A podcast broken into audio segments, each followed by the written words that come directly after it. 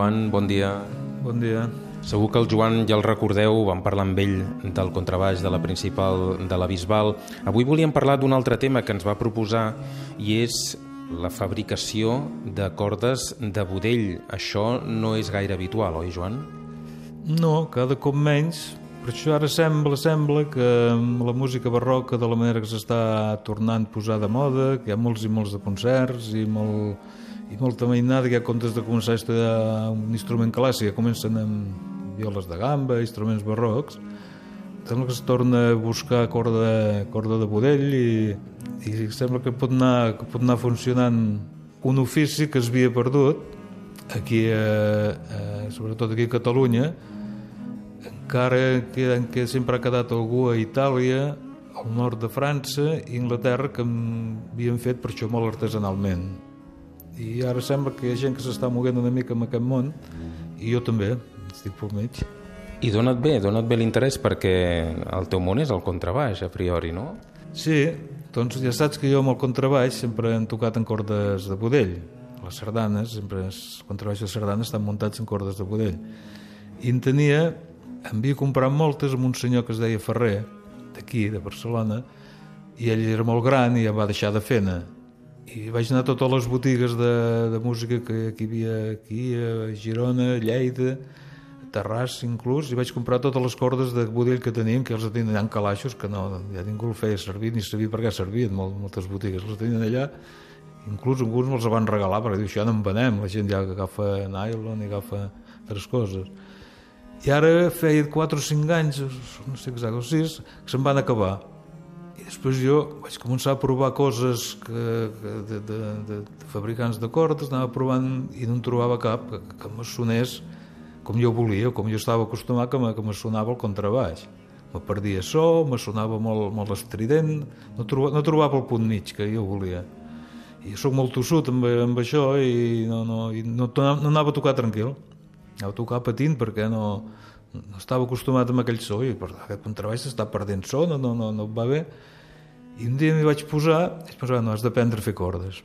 L'has de fer tu i has de buscar la corda que feia aquell, el senyor Ferrer de buscar aquell, aquell so que tenia aquella corda.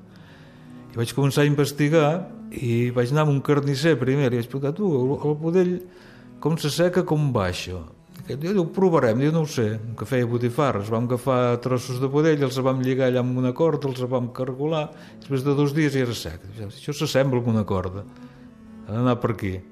I vaig començar a casa amb una roda de bicicleta, fa un budell i anar el cargolant. I bueno, això ja funciona, no, no, no, és, no és com ha de ser, però això anar, comença a funcionar, comença, comença a agradar. Que veia que, que la corda que jo comprava era molt, molt treballada, era molt, molt artificial i esclar, el que jo estava acostumat era molt natural. I anar preguntant i anar buscant vaig trobar, vaig començar a trobar, a trobar gent que sabia de què anava. Hi havia a Vic, hi havia un senyor que, que ara és viu, que es diu Llucià Conill que ell en feia. I vaig anar a parlar amb ell, però esclar, al principi no, no volia explicar gaire res, que és el típic d'aquestes coses artesanals, tothom, tothom. I ell es havia dedicat, de tota la vida feia eh, fil de fil per cosir, per operar per catarates i així, es feia una corda de tripa, feia un de budell, molt i molt fina, i la posaven amb envases així esterilitzats i després la portaven als, als hospitals i operaven amb allò. Això, esclar, com va venir el làser, tot això es va, es va anar acabant.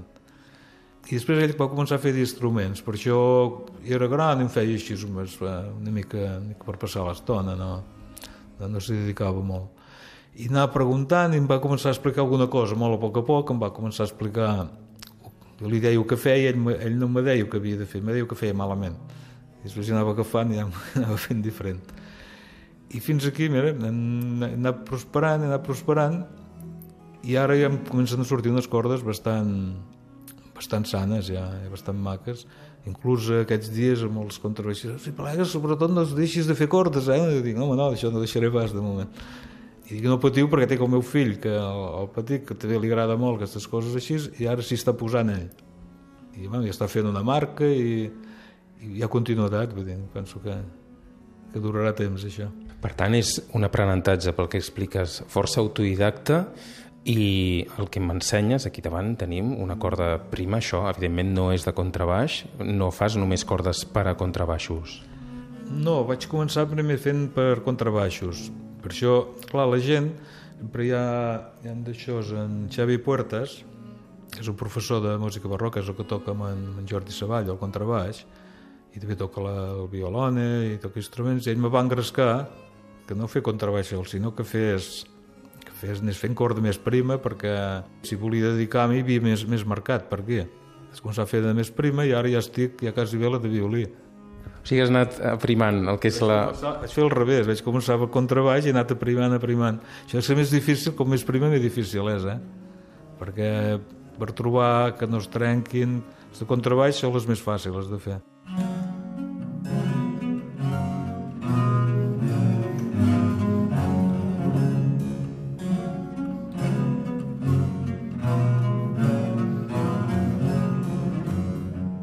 Hem parlat de cordes de budell. Budell de quin animal? Sempre és del mateix animal? I, i com vas als carnissers? Una mica quina és la cadena, com funciona? Bueno, eh, sempre és, és, és xai.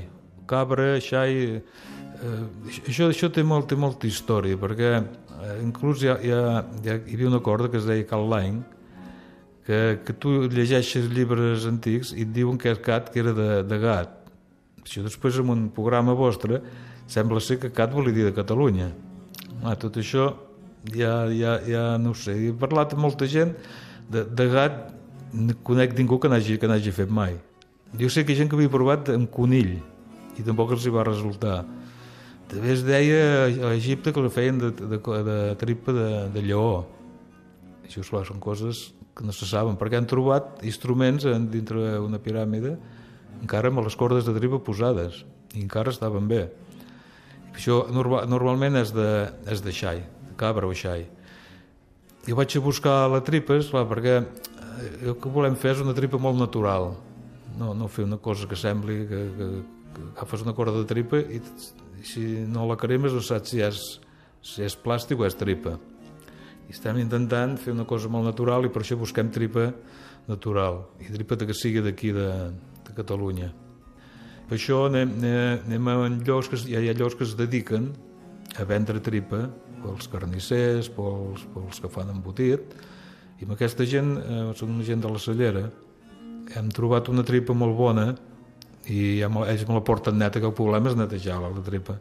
Amb això no hi podia entrar perquè es necessites unes màquines i unes coses i, i un permisos, i ells ja me la venen ja directament ja a punt de treballar. Potser algú que ens està sentint es pregunta com es fa una corda a partir d'un budell. Ho podem explicar, ni que sigui breument, Joan?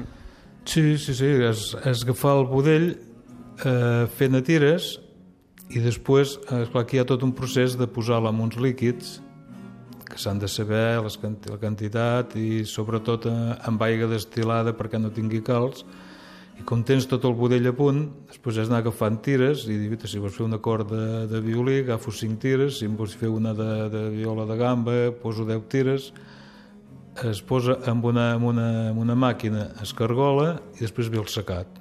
El secat és molt important perquè s'ha de secar amb humitat, que no se sequi molt ràpid. Després d'aquí es fa, eh, se li dona el calibre de la corda, perquè es queda una cosa molt, molt rústica, després l'has de posar amb una rectificadora per donar-li tot el calibre de, de dalt a baix i has de saber què les tires que has de posar perquè si l'has de primar molt no, després la corda es trencaria, no funciona és un procés una mica, una mica llarg Deies al començar que havies fet investigacions, havies mirat una mica què, què hi havia al voltant. Hi ha algú més, com tu, que estigui interessat en aquest tema? Sí, sí, he conegut molta gent en aquest temps que està molt posat en tot això. Aquí n'hi ha un que es diu Fernando Marín, que és professor al Conservatori de Saragossa, és un gran músic i una persona que està fent concerts, està voltant molt, i ell està fent la tesi sobre les cordes de, de Budell, a la Universitat Autònoma d'aquí a Barcelona. I ha investigat molt, ha investigat, és un molt i molt trempat, i en llibres antics ha llegit, ha llegit articles i m'ha ajudat molt perquè a més a més de, de, de, de jo enviar-li les cordes ell els aprova, me diu no, per aquí vas malament hem d'anar per aquí i estem sempre molt en contacte amb això. Doncs parlarem amb el Fernando Marín si realment eh, les cordes són objecte d'una tesi serà interessant saber-ne més. Joan Xandric, moltíssimes gràcies per acostar-nos a aquest món sovint desconegut com és el de les cordes de Budell i fins la propera. Doncs vinga, fins un altre si Déu vol.